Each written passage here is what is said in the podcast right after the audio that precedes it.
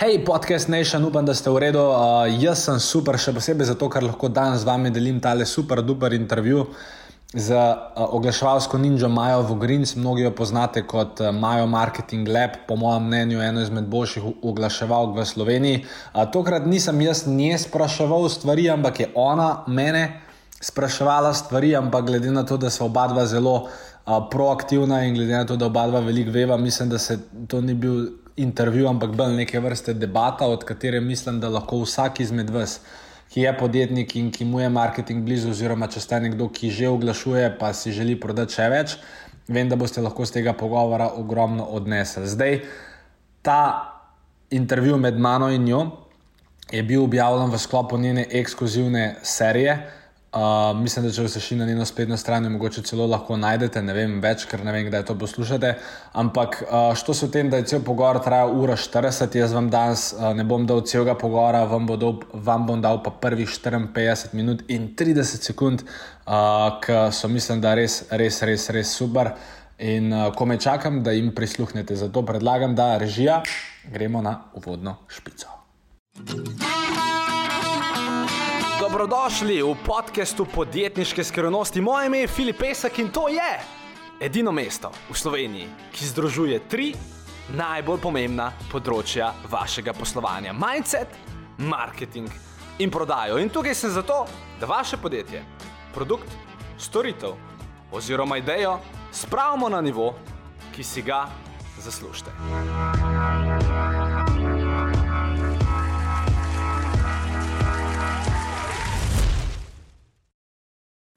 Evo, jaz predlagam, Filip, da gremo mi dva takoj v akcijo, zato ker imamo toliko zapovedati danes, da se mi zdi kakršna koli druga debata zguba časa.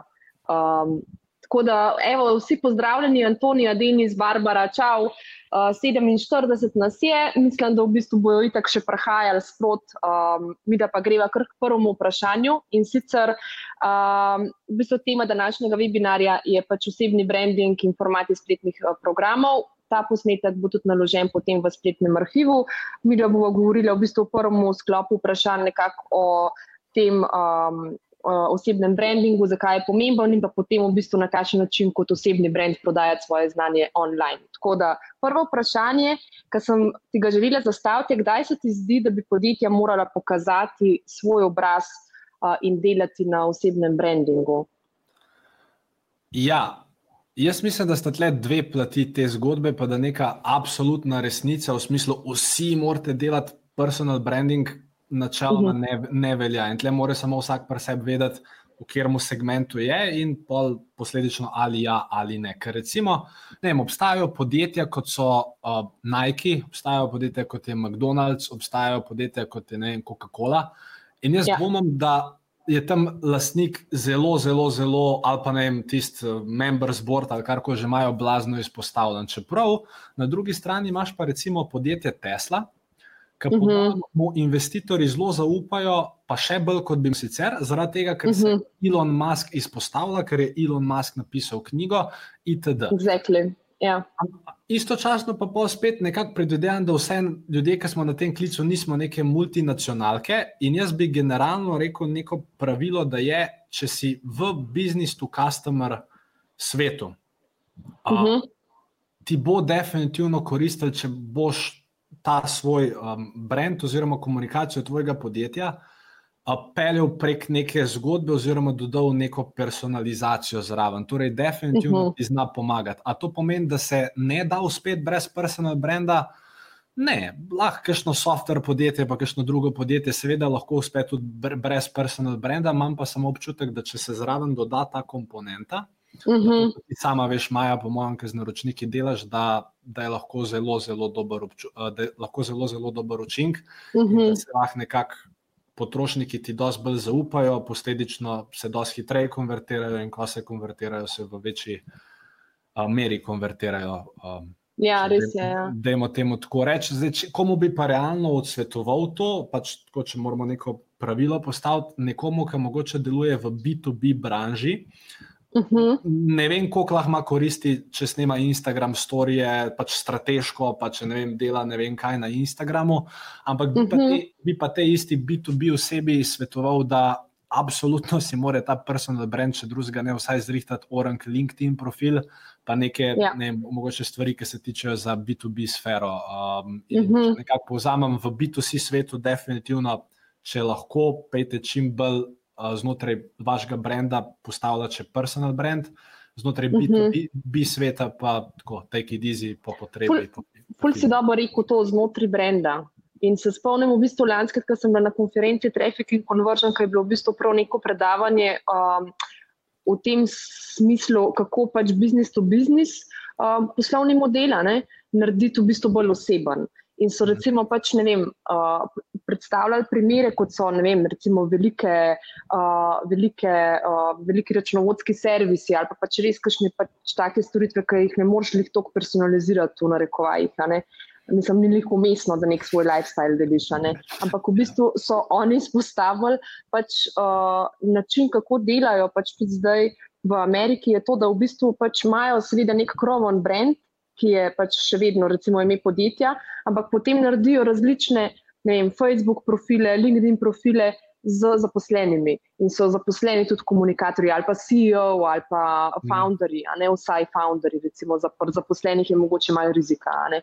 Uh, in v bistvu tudi uh, potem, ko delajo oglaševalske kampanje ali pa karkoli, v bistvu testirajo različne te stvari, se pravi, da oglašujejo z krovnim brandom, da oglašujejo potem z različnimi osebnimi brendi. Tako da to se mi zdi full smart in tudi ti, ki si izpostavil um, to, da v bistvu znotraj brenda razmišljaš tudi tako, uh, kako pač personalizirati na različne načine.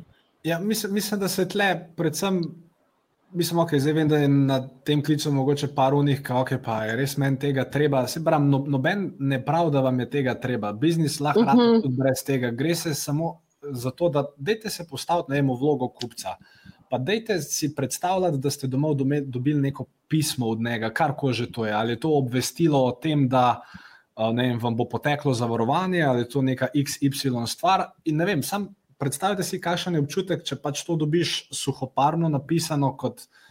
Mi smo zdaj orang brand, ti si pa tle en Janes in mi ti to pošiljamo. Uh -huh. Ali če ima to vse nek personal tad zraven, pa če je spodaj slika ene osebe, ki kao to pošilja, ali pa tega specifičnega direktorja, ali vodje prodaje, ali whatever. Mislim, da uh -huh. te stvari, po mojem, na dolgi rok lahko naredijo zelo pomembno razliko pač predvsem v prodaji. Ja. Ja, super. Uh, no, in v bistvu drugo vprašanje, ki pa je, je pa, uh, bi pa v bistvu nekako izpostavila, katere so prednosti, pa tudi potem nevarnosti tega osebnega brandinga, oziroma omejitve, mogoče, no, če ne že nevarnosti. Mm, ja, kar jaz razmišljam, je načeloma tako, da prednost je definitivno to, da ti bodo ljudje prej zaupali, pa da bo dejansko pač vplival vse skupaj na, na tvojo prodajo. Jaz bi tle Mhm. Temu bi rekel prednost, pa mislim, da je to konec koncev glavna prednost. Se, če smo v biznisu, smo v biznisu zato ponavadi, da pač pomagamo čim več ljudem, pa posledično čim več stvari prodamo in mislim, da s tem personal brandom lahko te obe dve stvari dosežeš. A so še kakšne, mhm. ne vem, terciarne koristi, pa ne vem, ne, četrt koristi, pa naslednje koristi. Mislim, absolutno bi jih lahko naštel še dost, ampak mislim, da je tisto bistvo pač to, da, da se hitreje vzpostavi zaupanje in mhm. posledično, da se poveča prodaja. Glede nevarnosti pa teh drugih stvari. Uh, ja, nevarnost je tukaj, uh, predvsem v tem modernem svetu. Uh, Oziroma, nevarnost. Prva nevarnost, ampak to ni nevarnost, to je samo mogoče neoptimalna stvar, je, da pač greš delati personal brand, pa ga recimo greš postavljati na robe. Oziroma, na robe, da strateško ni glih smiselno zastavljeno, kako boš ti personal brand gradil. To je lahko ena napaka. Uh -huh. uh, dru druga napaka je pa potem ta, da v tem poskusu grajenja personal branda uh, padeš v, jaz temu rečem, influencer past. In pa mhm. misliš, da zdaj ja, jaz pa gradim personal brand in bom preživel dve ure na dan na Instagramu, tri ure na dan, ne vem, kaj, od tega itek ni odziva, ker si strateško na robe stvari zastavil in pa se čudiš, fakt, zakaj gre moja prodaja dol. Ja, zato, ker si pet ur na Instagramu, moj star, ker tam gradiš ja. personal brand, pa niti ne veš točno, kaj delaš. In, in mislim, da je to v bistvu kar naenkrat, v bistvu, da je to velik problem. Pa sem tudi jaz imel s tem probleme, pa verjamem, da tudi na neki točki ti, ker enostavno potem, ker pač dajes, da jim temu reči, tvojim potencijalnim kupcem, pa kupcem del sebe. Uh -huh. pol, pol enostavno, pol tukaj zraven pridejo še čustva, mislim, tvoja čustva, pa pol ne vem vem, pa, pa, pa veliko časa daš, pa dosti preveč časa daš, tja, oziroma pa več ne veš, kaj točno delaš, in te malo potegne telefon vase. In jaz bi rekel, mm. da, da, da, da je to neka največja nevarnost. Torej, kako zdaj to narediti? Da ja. Tudi da razmejita ne, ta personal life, pa biznis. Ja, ja, in tle je to. Pa stvar, kjer vsak potegne neko svojo mejo. Jaz ne bom govoril o tem, kaj je prav, kaj je narobe. Jaz vem, kaj je pri meni funkcioniralo, pa kaj sem vse jaz probal. Uh -huh.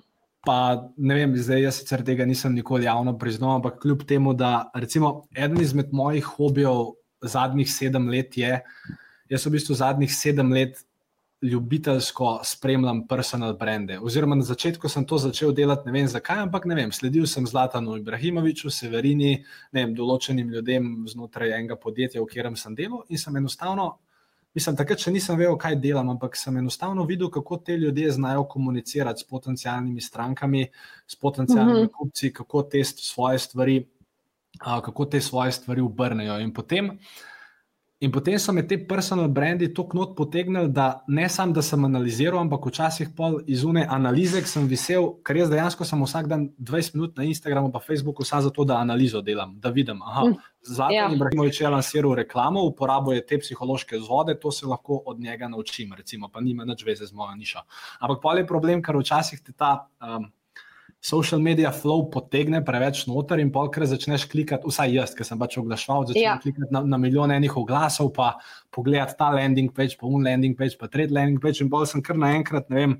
En mesec nazaj vem, da sem imel poprečni dnevni time na Instagramu 47 minut. Uh -huh. uh, in to je veliko pa, ve, pa, pa vedeti, moš, ne, da imam te firmo, pa sejam 8-9 ljudi, ki jih moram handlati, pa ne vem, koliko stvari. Vedel sem, da nekaj časa moram biti tam, ker moram razumeti ja. platformo.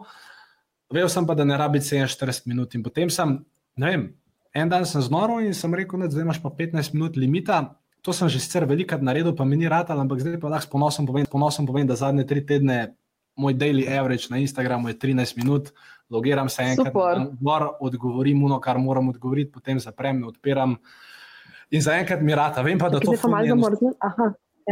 Ja. vem pa, vem pa, da to fulni enostavno. No? To, to, to je predvsem ena nevarnost, ki je taka. Sicer je ne vidi, sam ne vem, pol ure na dan, 60 dni v tednu, ne se veš, koliko časa lahko zgubiš. Ne, ma ti si imela kakšne podobne, a je tebe kdaj na, v zadnjih štirih letih potegnil kaj not, ali si zelo lahko to na. Ja, v bistvu. Ja, v bistvu sem pač tako mogla tudi, uh, valjda, itak potegniti pač neko črto med tem, kaj je v bistvu, a veš, nice to, to have, pa kaj je must to have, mhm. oziroma nice to do, pa a ne pač nujno, pa, pa pač neko, neko fino početje v narekovajih. In v bistvu, ko imaš eh, dan, ki je, ne vem, razpoložljivo 8 ur tvoje kognitivne energije, ne, pač, uh, ali pa 10 ali pa 6, kar je pač pride uh, je pač se smiselno usmeriti na stvari, ki ti omogočajo rast. In Instagram definitivno ni pač men kanal, ki bi mi omogočil poslovno rast in je nice to have. Jaz ga tretiram tako in ga vidim tako. Mm. Ampak uh, itak pa, če grem gledati moj average uh, fans, je. Ja, bi se dal kaj narediti, no, bi se dal kakšne ukrepe še dodatne sprejeti.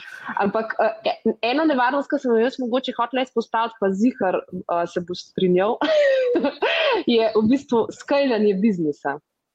Ja. Uh, v smislu, pač kul je takrat, ko si sam, ko delaš. Um, Kaj delaš, recimo, vem, uh, pač samo zase, pa samo v bistvu ne z enim naročnikom, če, če greš v, bistvu ta, v ta format agencije, ko pa v bistvu delaš uh, potem recimo na mal, večji, na mal večjem skalu, ali pa recimo, ko odpiraš tujino, je to mhm. full velik uh, pač, uh, problem lahko. Se pravi, v bistvu vse vezati na se. Ne, da, v mhm. bistvu, da ljudje samo tebi zaupajo. In ti si, recimo, ful dobro naredil za moje pojme uh, v svoji ekipi, ki se tudi Reneja izpostavil. In tako, veš, da v bistvu mm. naročniki in tudi ljudje, pač, uh, ki bojo potencialno komunicirali s tabo, da so seznanjeni pač tudi, da so tudi drugi strokovnjaki v ekipi, da nisi v bistvu ti sam, da ne prelagaš te odgovornosti in teh velikih pričakovanj samo na sebe. Uh, to se mi zdi zelo, zelo pomembno. Ja, je, mislim, nisem, nisem ker si me vprašala, nisem na to najprej pomislil, ampak ja, definitivno je, definitivno je to izziv. Torej, kako, uh Mhm. -huh. pač, ker vsi, ki me spremljajo, pa, pa, pa, pa potem nam zaupajo marketing, pač vsi to naredijo, zato ker pač enostavno ja, spremljajo mene, pa sem jaz tisti front face. Uh, in ja, tukaj je treba potem ta transition tudi za naročniki, pa z vsemi stvarmi. Uh, znati Ja. narediti. Sej, ampak, ampak itak je pa tudi sreča, no, ker večina ljudi je pametnih. Sej vejo, da če imam jaz orang firmo, da ne moram jaz zdaj se z njimi 24 ur na dan pogovarjati. Ja. To vsak razume, ampak ja, je, je to izziv in je enostavno, uh, mislim, da to niti ni vezano toliko na personal brande, ampak se tudi, recimo, če si ti direktor, v katerem tudi podjetje, uh -huh. ki ni vezano na personal brand, pa ti parpeleš nek, nek biznis, nek servis v podjetje, pa ima zraven še vem, deset odvetnikov, ki za te delajo, se ti tudi moraš komunicirati, da so še ostali odvetniki. Mislim, da to ni to, ta nevarnost tako vezana. Ja, na seveda. Mislim, oziroma, ja, pri personal brandu je ta nevarnost še večja in tle je ja, rešitev tisto, kar si rekla, da izpostaviš ostale člane ljudi, da, da nekako razporediš ta svoj spotlight, kar sicer za vidika egota na začetku ni najbolj enostavno, ampak pol na dolgi rok, ja res, ampak pol na dolgi rok ti pa zelo, ti pa zelo koristi. Ja. Ja. A veš, tudi recimo, ne vem, popolna postava, vem, uh, pač, ne, če bi oni imeli brand, ki bi bil v osnovi Miha Geršič, bi ga bilo ful težko multiplicirati na nemški trg, italijanski trg, na Itak. francoski trg. Zaradi tega, ker v bistvu um, ni te dejanske povezave, ker v bistvu nisi ne. In tudi v, bistvu v teh okoljih potem pač iščejo neke lokalne obraze, uh, ki jih lahko v bistvu vzpostavijo kot neko avtoriteto. Čeprav je pač, pač Miha tudi izpostavljen. No, to, to sem hotel v bistvu Ja, pač mislim, tam je, tam pred, na teh tujih trgih, vsaj kar sem jaz opazil, kot tudi recimo Malinca ima zdaj le isti izziv. ne. Sej za, recimo, uh Mhm. -huh. Ali pa ne, če pogledam za me, angliški trg, ok, kljub moji polomljeni angliščini, to vem, da bi lahko jaz ta isti personal brand, okrog katerega Ja. bi bilo zgrajeno podjetje, bil. Sam za nemško govoreči trg, pa ne morem, ker ne Mhm. govorim nemško, niti ne bom. In potem je rešitev to, kar si rekla, ja, in to, kar tudi Malinca dela, ker oni so zdaj, oziroma iščejo, oziroma so še v procesu, da pač najdejo en obraz za Hrvaško, da najdejo en obraz Aha. za, za Super. Nemčijo. In, in ja, to je pač problem, ki prije zraven, če ne greš na angliško govoreče trge, pa če, pa če ti ne znaš potem drugih jezikov. Ja. Mhm, mhm. No, super. Evo, se mi zdi, da so pokrili nekako te nevarnosti uh, in omejitve. In zdaj mogoče me zanima, katere aktivnosti recimo, so tebi pomagale uh, prebiti let recimo, v Sloveniji in kreirati tudi eno najbolj prepoznavnih zgodb, konc koncev osebnega brandinga na področju marketing strokovnjakov. Mm. Ja, um, veliko enega dela, veliko enega dela je bilo, pa ne vem, predvsem, ker si me vprašala, kako sem prebil let. Uh, mislim, jaz še danes težko verjamem, da se je zgodilo vse, kar se je zgodilo, ker mislim, da se je par stvari v pravem času poklopilo. Uh -huh. Ampak, ampak predvsem, kar me je rešvalo na začetku, ker vem, tudi jaz, ki sem začenjal, ali pa tudi ne vem, mogoče ti, ki si začenjala, na začetku ne veš čisto točno, kaj niti, kaj niti, kaj hočeš, niti kaj moraš, niti, niti kaj bi bilo dobro, nimaš nobenih izkušenj, na kjer se lahko preš. In kar je Mhm. mene, kar je mene rešvalo, je to, da kar nisem vedel, sem nadoknadil z kvantiteto. Torej, jaz nisem vedel, kako socialna mreža delujejo. Pač imel sem nek Mhm. know-how, ki sem vedel od takrat še v prodaji, ker sem hotel, da ga ljudje spoznajo, ampak nisem pač vedel, kako socialna mreža delujejo. Ampak jaz sem to rešil na način, da sem enostavno vsak dan nekaj objavil in sem potem videl, na kaj se ljudje odzivajo, na kaj se ne. In to me uh Mhm. -huh. mogoče, vem, tle glede prebitja ledu. Včasih, ko dobimo vprašanje z nekom, kako hoče s tem začeti, mislim, da se malo preveč zafilozofira. Ker pa me začnejo sprašovati, ja, pa je bož, da grem live video ali un video, ali čem zdaj tam podnapise, da tam ne, ja, probej. Jaz, mislim, jaz, Ja, ti, ja, ja. jaz ti lahko dam odgovor, samo to je odgovor za moj audience, ne za tvoj audience, plus ta moj odgovor bazira mogoče na nekih podatkih, ki zdaj niso več točne. Oziroma, spet, ne vem, druga stvar, če boš ti delal split test, pa naredil en video, ne vem, tak, pa drug video tak, pa boš vem, enega objavil v prime timeu, enega pa ne v prime timeu, ne si mogoče pa določene parametre zasrl, pa niti ne bo relevanten ta split test. In ja, Mhm. jaz, jaz mislim, da je tle samo na začetku, preden nekdo začne, naj pač proba. Ker jaz mislim, da po mojem bo tudi do tega pa prišla, do advertisinga. Jaz mislim, da če nekdo res hoče delati personal brand, moj nasvet je vedno, da vzam si 30 dni, pa delaj stvari organsko, prvič zato, da se ti Mhm. navadiš, pa da ti vidiš. Pa pa, ko boš sebe najdu, vsaj delno, pa ko boš malo videl, na kaj se ljudje odzivajo, pa pa začni ti z edi tiste najboljše stvari ja. ali promovirati ali neke stvari kreirati. No? In, in jaz bi rekel, da je tle, oziroma da je na začetku, če pač nimaš, da jim rečeš ob sebi. Nekoga, ki je marketinško tako pameten kot ti, ali pa, pa pač jaz, če hočeš vse. Ja, sorry, če, ho, če, ja. hočeš, pa, če hočeš pač sam pogruntati na lastno pest, ti bo, ti bo kvantiteta dala najboljše odgovore. No, vsaj po mojem.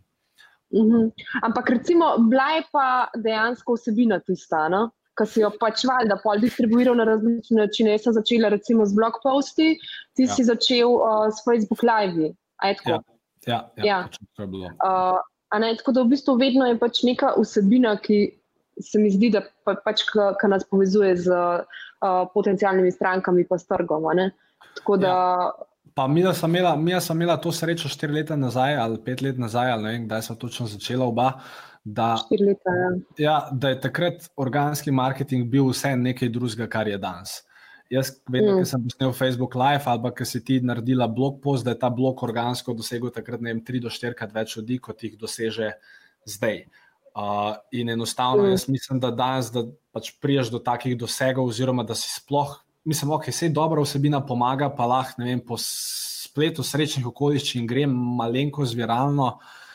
Ampak pač boš rabo advertising, ker jaz takrat vem, da mogoče jaz pa ja, tega od samega štarta nisva toliko spet rabila, ker je veliko stvari šlo organsko, ampak če bi jaz danes mogel še enkrat iz nule postaviti personal brand, uh, vem, da bi mogel pač vse organske stvari, mislim, razen če bi se mi res posrečil, da bi jih mogel no, pač dodatno uh, še pritisniti. Ja. Jaz moram reči, da sem drugače od prvega meseca naprej uh, oglašvana, sicer svoj uh, lead, lead gen, takrat akcijski vodič, ampak Že takrat je bil organski doseg zelo mhm. mizeren. No? Pač mizeren za, za uh, neke resne poslovne cilje. Pač, ja. In če nimaš, recimo, pozornosti strani drugih kanalov, recimo, če si ti nek celebrity, ne moramo v bistvu tega, uh, te osebe tretirati na isti način, kot če si ti ne vem, nek nov najem, ki v bistvu začenja in prodira s Facebookom ja. in z Instagramom.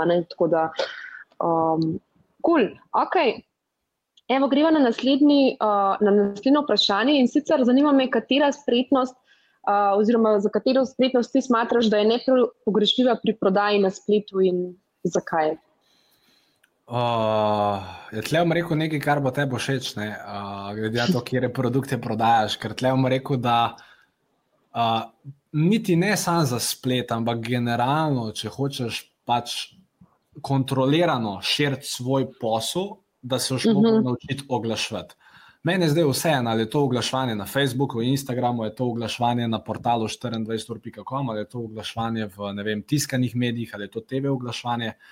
Ampak, če boš hotel kontrolirano širiti svoj, svoj brand, pa profitabilno, se boš mogel naučiti oglaševati. In zdaj, seveda, ti lahko čakaš, pa rečeš, ja, jaz imam svoj biznis, pa sem dober v tem, kar delam, pa sej grem po priporočilih naprej. Ja, sej greš. Ja. Sam greš počasi pa tega ne moreš kontrolirati. Ker boš hotel kar naenkrat en dan generirati nek prihodek, ki ga boš rabo karikiram za eno investicijo, ne vem, nov frizerski salon, ga noš mogo, ker ne moreš ti zdaj poklicati vseh svojih pa reči, hej, prijatelj, zdaj le pa rabam priporočila. Ne gre. Mm. Če imaš pa ti advertising, pa advertising sisteme, pa advertising sisteme na spletu, pa lahko rečeš super. Zdaj bomo pa mi naredili eno kampanjo, a ne karikiram, whatever, mm -hmm. pa bomo s tem, ne vem, pritegne ljudi v našo trgovino ali pa v našo spletno trgovino ali pa kamorkoli. Zato, ja, definitivno advertising in, in, in ne samo advertising, mislim, da znaš pač ti poklicati na Europlakat, pa zakupiti oglasni prostor. To, to, to zna vsak, ampak zdaj, kaj, kaj napisati, kaj prikazati. Torej, da razumeš in, in psihologijo prodajnih besedil, in psihologijo delanja videoposnetkov, in psihologijo. Mm -hmm ljudi kot takih, torej da imaš te advertising skile, ki jih v bistvu ti učiš, pa ki jih občasno jaz učim. Da, da, da res razumeš. Kot en... copywriting, ne, je v bistvu ključna uh, komponenta tega.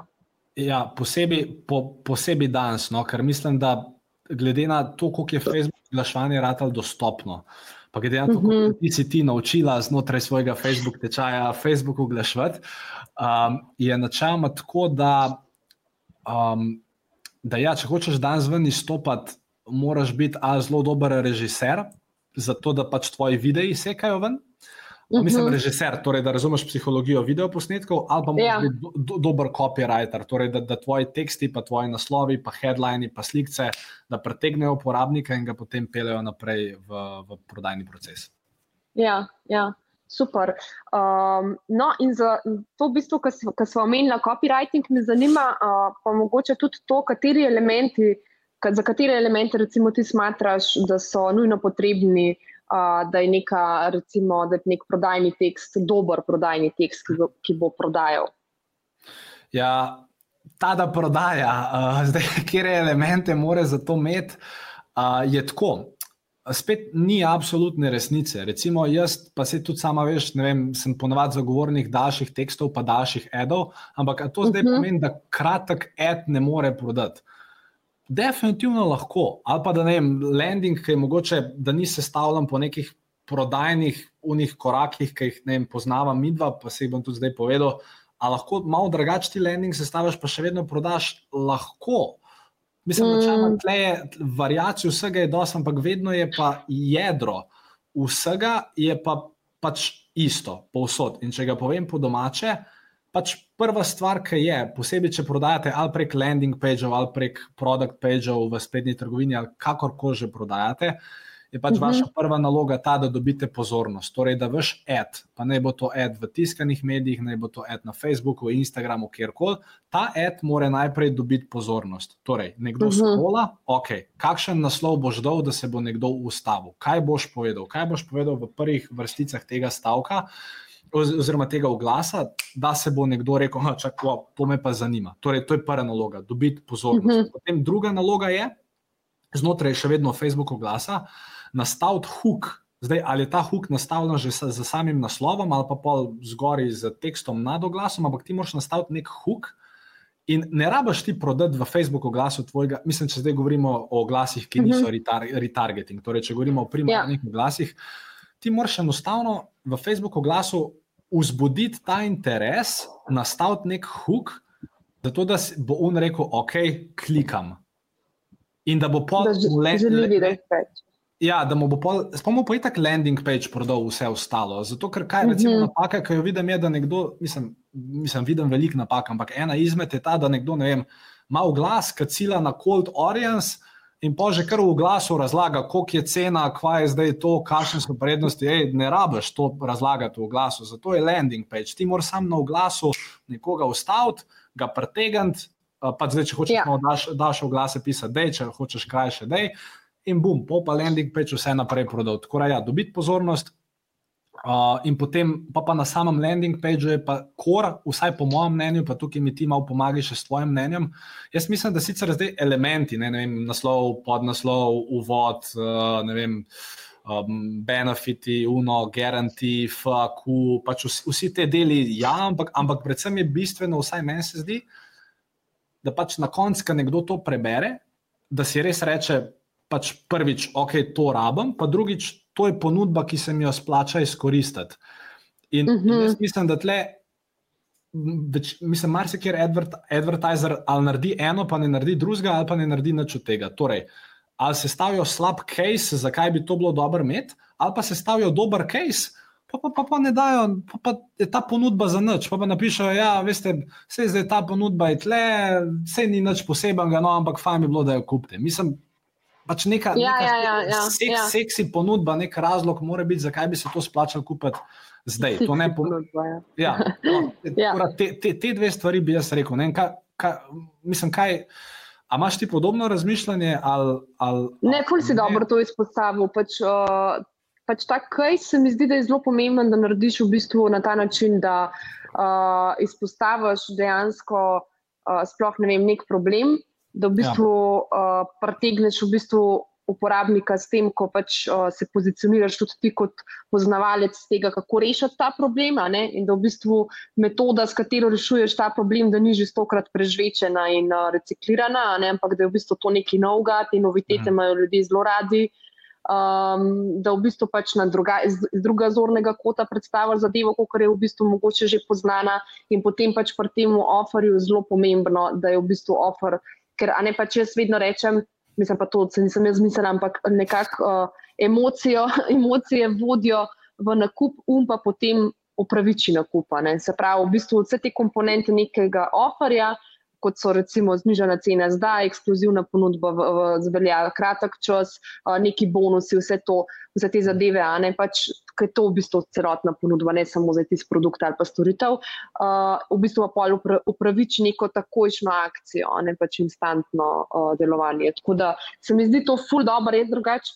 Ne bi šla mogoče tako deep zdaj v landing page, zaradi tega, ja, ker imamo potem z naslednji teden z Živo Kovačevič za, na temo copywriting za landing page.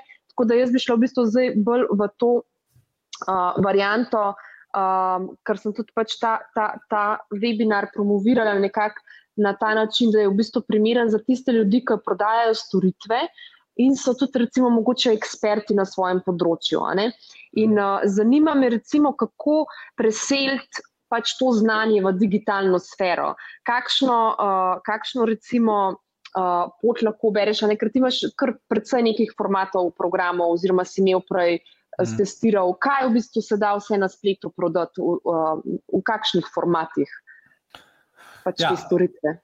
Prva stvar, Uh, Kar se morate vprašati, je seveda, kje. Ker eh, nekaj, kar eh, funkcionira v Ameriki, pač ne funkcionira tukaj. Tako, najprej morate uh mhm. -huh. vedeti, kje trg napadate. Ne? Ker vam lahko Russell Branson razlaga, kako je naredil reverse webinar opt-in z afterpaid kredit kartom, ki ga on ustal, pa ga pa Luni bremenijo 30 dni kasneje.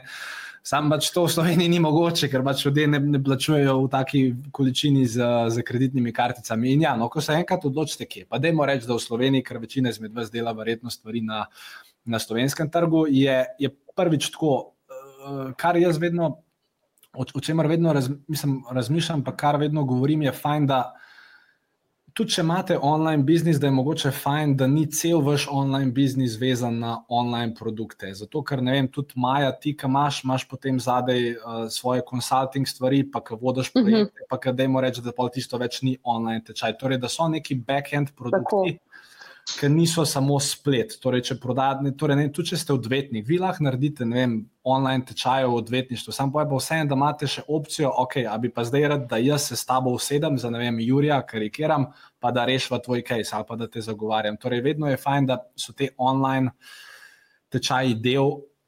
Enega tvojega celega biznisa, in da če se le da, ne mhm. sestavljajo vsega. A, se, a to pomeni, da, da se da tudi samo z online tečajem živeti? Absolutno. Sam vsaj večina ljudi ima še nekaj zraven. In če se fokusiramo na platforme, ja, tako kot je rekel, jaz sem v zadnjih vem, treh, štirih letih marsikaj sprobil, marsikaj sem testiral od, ali od američanov ali kakšno svojo idejo.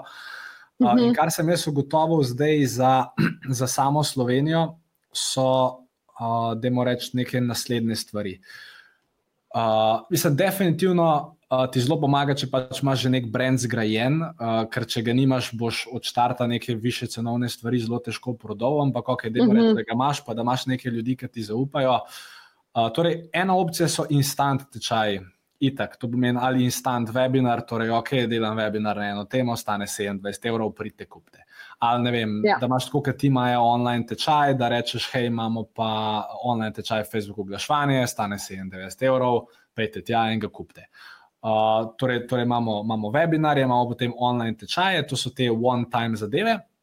Uh, uh -huh. pa, pa, pa recimo, kar je nekaj, kar vsak, ki mogoče biznis razume, še na malo naslednji stopni, o čemer razmišlja, so pa pač subskripcijski, oziroma so neki letni programi ali polletni programi ali pač nekaj v tej smeri. In to je pa pol, vsaj po mojem mnenju, neka tretja opcija. Torej, imamo neke, neke webinarje. Kar v Sloveniji dobro deluje, če iz nas seveda dobro sestaviti. Uh, online programe, ki so tudi v bistvu fajn, mislim, v bistvu Matej, pa cela popolna postava je en lep dokaz tega, glede na to, kakšno količino online tečajev so prodali, oziroma uh mhm. -huh. popolne vadbe, pa popolne bebe, pa vseh ostalih stvari. Uh, in pa ja, ti subscription modeli so pa neka tretja stvar. Zdaj pa pred, predlagam, mislim, predvidevam, da sem imel pol specifično vprašanje o teh platformah ali niti ne, ali si sam hotel, da gre. Ja, tudi, eh, tudi verjeten eh, zanima. Uh... Občinstvo tudi za platforme. Zdaj, mogoče, kar bi jaz rekla, je to, da um, dodala. No, pač je, poj, poj, ja. ne, v bistvu zanimiv mi je pač recimo webinarje. In pa mogoče, ne vem, recimo, če lahko izpostavim, uh, pač ne vem, um, recimo nek subscription model, ki temelji recimo znotraj, ne vem, pač, da si del neke plačane Facebook skupine, ti omogoča v bistvu kreiranje vsebine on spot. Kar pomeni, da v bistvu, če si ti strokovnjak svoj, na svojem področju, uh, v bistvu, če lah, lah, pač imaš razdeljen nek. Um, Ne vem, uh, proof of concept, se pravi, nek sistem podajanja znanja, potem v bistvu lahko s pomočjo webinarjev pa s pomočjo mogoče live-ov, ko jih delaš, mogoče v plačeni zaprti eh, Facebook skupini, kreiraš vsebino on spot. Dočim recimo spletni programi uh, so v bistvu nekaj, kar ti posnameš vnaprej. In uh, more biti, se mi zdi, da je v bistvu se tudi pričakuje višja kvaliteta uh, samih videov, zvoka in tako naprej. Ne? Se ne pravim, da zdaj pač pri webinarjih to ni pomemben, ampak mm. uh, drugače, tudi drugače govoriš drugače uh, podaja, podaja znanja. Ne? Jaz, recimo, ki sem imela, ne vem, sicer uh, dva meseca nazaj za Facebook uh, oglaševanje v letu 2020, ne, sem imela v bistvu pripravljeno prezentacijo, ker je itak pač ful praktičnih primerov in tudi v bistvu s prezentacijo se da lepo odpredavati. Ne? Lahko je pa v bistvu to čist kole um, v takem formatu. Tako samo za perspektivo, ker se mi zdi, da v bistvu so določeni, ki so čist na začetku, pa niti ne vejo, kaj v bistvu uh, dejansko jim omogoča pač online uh, infrastruktura. No? Ja, mislim, tle je, tle, je, tle je pač pametno vedeti, da, da danes se da na spletu narediti vse. Tle je, samo mm -hmm. treba, tle je samo, mislim, da glavni problem večine ljudi, ki grejo v, da sprejmejo neko odločitev, pa rečejo, jom pa zdaj imel online tečaje, je v bistvu cela nekako pričakovanja, pa prepričanja o tem, ponavadi niso glih na mestu, ker što, da pač gremo ljudje delati online tečaje, roko na srce je, ker vsak izmed nas misli, uf, super, zdaj pa sem stvar v online tečaje. Pa bom šel uh -huh. lepo na Tajsko, kot Maja, in bom tam lepo uh, čileral, denar bo plov, nekaj se v prodaji. Ne, vse je ok. In dejansko lahko ti do te stopne prideš. Oziroma, Maja, jaz sem siguren, da zdaj, ki si ti na Tajskem, da si marsikjer online tečaj zaradi tvojih marketinških in oglaševalskih sposobnosti prodala. To je ok. Sam, kar pa bolj večina ljudi spusti, je pa to, da je Maja. Zato, da je prišla do te stopne, prvič znanja, drugič pa te stopne prodaje, da je vmes mhm. imela pač veliko enih turbulenc, investicij, uh, mora, mislim, vsako leto hodi na izobraževanje, se ne vem, uči, investira vase, itd. In to mislim, da je ta zamovčan ja. del.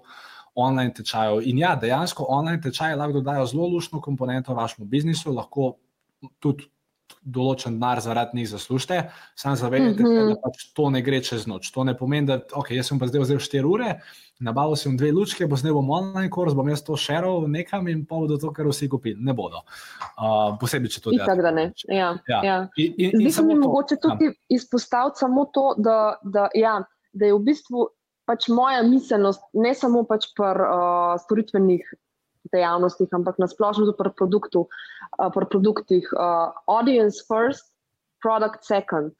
Se pravi, da se v bistvu, če ste čist na začetku, začnete ukvarjati s tem, kako v bistvu graditi audience, sploh, da v bistvu imate uh, pač to razdeljeno v glavi strategijo. Ne? Se pravi, na kakšen način, s, kata, s kakšnimi oglaševalskimi kampanjami, v kakšnem formatu vsebine, se boste v bistvu vi pač približali sploh vašemu potencijalnemu audiencu. In ko imate v bistvu enkrat relationship in ko imate v bistvu ta trust factor, potem je v bistvu umestno, da začnete z implementacijo tudi spletnih programov in vsega tega. In spletni program, jaz v bistvu vidim pač določeni, ki prodajo tudi recimo Facebook, Facebook izobraževanja v Sloveniji. Pač niti ne delajo na tem, da bi jih ljudje spoznali, se pravi, ne delajo nič na content marketingu in imajo v bistvu tečaj, ki stane 380 evrov. A ne tukaj treba biti. Ja. Nisem vedel. Ne, vse je nič groznega, ampak v bistvu ne, treba je imeti malo tako um, common sense. Pač, uh, ali v bistvu ne vem, obstaja že konkurenca, kakšen relationship ima konkurenca na trgu, kaj v bistvu že prodajajo, kako v bistvu narediti naš program drugačen od ostalih. Uh, mogoče dodati uh, ne vem, neko to res community noto zraven, da v bistvu podpre, podpirate, imate ne vem, live QA in take zadeve. Ampak um, definitivno ne moreš v bistvu nekoga, ki že obstaja, ne skupirati, ne bom rekel skupirati, ampak tako duplicirati pač njegov način delovanja pa podražiti krat tri. Ne, pač, ja, se, um, tudi če ga poceniš, ga nož prodal, ker tle večina ja. stvari pa ni vezanih samo na personal brand, to je vezan na brand nasploh. Pač, o, vaša prodaja je predvsem odvisna od tega, kakšen relationship imate vi z ljudmi, ki vaš potencijalnimi kupci, pa pač ljudmi, ki vas spremljajo. In, in mm. je dejstvo, da če ti nimaš sploh komunity, pa ti tako noč nobenemu več prodal. Če, ja. če, ga, če ga pa imaš, pa če, vem, cel, če mi, jim cel cel cel uporaben, ga ne poveš, pa jim cel cel cel hočeš nekaj prodati, pa tudi ne boš kaj velik prodal. Zato je tle vedno fajn imeti nek balans med, med dejansko, kot si rekla, med kontentom pa, pa, pa prodajo in vzpostavljati ta relationship. Uh, mm -hmm. in, mhm. In, um, in ja, pa se znajo zgoditi uh, čudovite stvari. No. Ja, v bistvu Daniela sprašuje za nekoga, ki je čist na začetku, je organski domet dober povajeno, v smislu, ko želiš pridobiti sledilce. Me, uh, jaz recimo tukaj imam zelo jasno mnenje in verjamem, da, se, da, da Filip ima podobnega. Ne? V bistvu zdaj, da kar tako malo gradimo uh, organski domet, se mi zdi totalno nesmiselno, pa dolgotrajno, pa neučinkovito. Uh, treba je v bistvu um, nekako aktivnosti usmeriti v vsaj nek smiselen konverzijski cilj. Ali je to vse moje aktivnosti, ki jih bom delal pač na social mediji, uh, bom v bistvu nekako pač, okay, razmerje tega, da je za neka sproščena vsebina, pa da je v bistvu vsebina, ki pač poziva k neki akciji, je tudi pomembno. Ampak recimo bom promoviral svoj lead gen, bom promoviral to, da lahko ljudje uh, pridejo v stik z mano in jim vem, naredim. 15-minutno brezplačno diagnostiko na Skypu, ne vem, se zmišljujem, ne? da jim pregledam nek njihov kajs in dam eh, predloge za izboljšave. Pač neki, oziroma da, da vse vaše aktivnosti, ki jih imate na social mediju, na social mediji, pač nekako uh, usmerjajo uporabnika v pogovor z vami, v, na e-mail bazo ali pa pač neki pač tudi posledično prodajajo. Uh, in to se mi zdi v bistvu potem zelo smiselno podpreti z oglaševanjem. Uh, Filip, kaj pa ti misliš o tem? Ja, mislim, da če rečeš to, po mojem, kar ima ta, ta oseba, sorry, ne, ne vidim imena, ki to sprašuje. A Danila. Ja. Da, Danila, pač to se, ki začenjaš. Ponavadi niti ne veš, kaj bi ta tvoj lead gen bil, ali kaj bi ta tvoj produkt bil. In kar je, po mojem, hodila Maja povedati, nič ni narobe s tem, zdaj, če ti karikiram, da nela en mesec vzameš, pa če tam organsko se nekaj pogovarja z ljudmi. Sam en mesec, ja, ne, ne ja. več. Ja ki bolj drug mesec, ali pa mislim, idealno že od začetka, je pa tako, kot je Maja rekla, treba nekaj imeti, oziroma imeti nek mm. cilj. To ne pomeni, da je zdaj vsa komunikacija usmerjena k temu, da imam nov PDF, imam nov PDF, imam nov PDF, ampak ne. To pomeni, da ti pač skozi vsebino, oziroma med vsebino, pač omenjaš te svoje call to action. Hej, mi grede, če ti je bil všeč ta video, ne rabiš ga deliti, ne rabiš ga všečkati, ampak če bi dejansko se rad dobil z mano, da je tle sem sestavila en preprost vprašalnik, torej na linku filipesek.com slash nekaj nekaj, pejt tja, poglej pa, če te zanima, se prijavi. In je lahko cel tvoj prodajni proces in pa lahko tam naprej pač prek telefona prodaš vse svoje naslednje storitve, ki jih imaš. No, ja. Tle, smiselno je pač treba zastaviti, ne, ampak to ne samo za ljudi, ki začenjajo, tudi za, recimo, Uh, mislim, da to tudi, tudi, ti tudi sama veš, ker verjamem, da tudi delaš z večjimi podjetji, pa z večjimi naročniki. Kakšna podjetja dejansko, tudi kljub temu, da so milijonska, imajo še vse en full teh rezerv v prodajnih procesih, pa tudi one same ne vejo, kako bi, se, kako bi točno nekatere stvari pozicionirale. In jaz mislim, da to ni samo problem začetnikov, ampak da dejansko. Ljudem in podjetjem velikokrat manjka ta nek big picture. Ok, jaz delam mm vsebine, pa zdaj kakšne, ali pa ne, imajo call to action, pa so napačni call to action. Uh, ali pa imajo prodajni proces napačen. Vem, recimo, ok, jaz sem zdaj postavil personal ja. brand, zdaj bom pa zgradil checkout in na checkoutu jim bom probil prodati za 3000 evrov mastermind. Ne boš ga prodal draga moja, dragi moj, kar koli boš naredil, ker je prodajni proces za ta mastermind, razen če zdaj to niso njih tvoji top fani, napačen, ker bodo verjetno najprej hoteli na strateški posvet s tabo. Torej, tvoj call to action ja. ne sme biti 3000 evrov mastermind, ampak strateški posvet pa pa. Boš mogoče ti prek telefona lahko komu kaj prodal, če bo pač za to priložil. Samo mislim, da je pač velikrat uh, prodajni proces ni smiselno zastavljen, no, ali pa storitvah, uh -huh. ali, ali pa biznisih. In samo če se včasih tam dve stvari v krogu obrnete, se lahko zelo veliko naredi. Ja, v bistvu to si ful dobro povedal. Ja. V bistvu, kaj je pač neka logična vstopna točka sodelovanja z vami?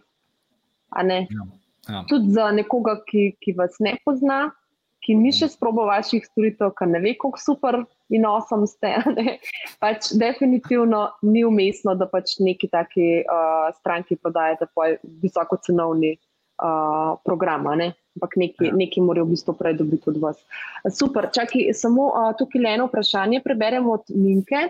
Sprašuje, če deluješ globalno, imaš v ekipi osebe, ki imajo materinski jezik francoščina, španščina, nemščina, a vseeno delaš samo z angliščino ali za različne trge prevedeš vse aktivnosti in kako je najbolj, da to narediš, da to narediš več ločenih profilov ali enega in možnosti izbire jezika, ker vemo, da so vsi narodi različni, tudi po miselnosti, po pristopu, kako rešimo uh, ta problem večjezičnosti. Filip, če imaš ti kaj? Um, ja, kratek odgovor je, da Jaz bi, jaz bi vam predlagal, da pokličete, oziroma da pogledate, če katerkoli vaš konkurent, ki je na tem trgu že prisoten, dela v angleščini. In če ne dela v angleščini, potem verjetno ni razloga, zakaj bi vi delali v angleščini. Pač recimo, govorim za Nemčijo. Ne? In tudi Maja, ti už le, po mojem, lahko povela, ker je popolna postava šla na nemški trg. Ne vem, zakaj oni niso šli v angleščini na nemški trg. Kaj je bil razlog? Ja, absolutno je lokalizacija ključna tukaj. Um, ja. Vseh uh, vsebin, ne pač prevod vsebin in pač. Uh, prilagoditev. Nemci so zelo občutljivi pač na tujce. Um, že to, da pač si Slovenija, si pač malo Balkanca. Ja. Moraš malo zakriti identiteto, je mož, da imaš firmo v UK-ju. Ja.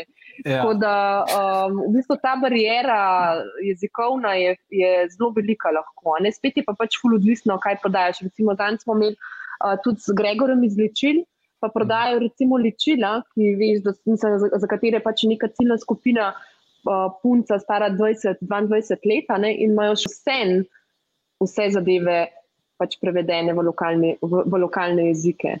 Ja, mislim, pa to ne ja. pomeni, da ljudje ne znajo angliško govoriti.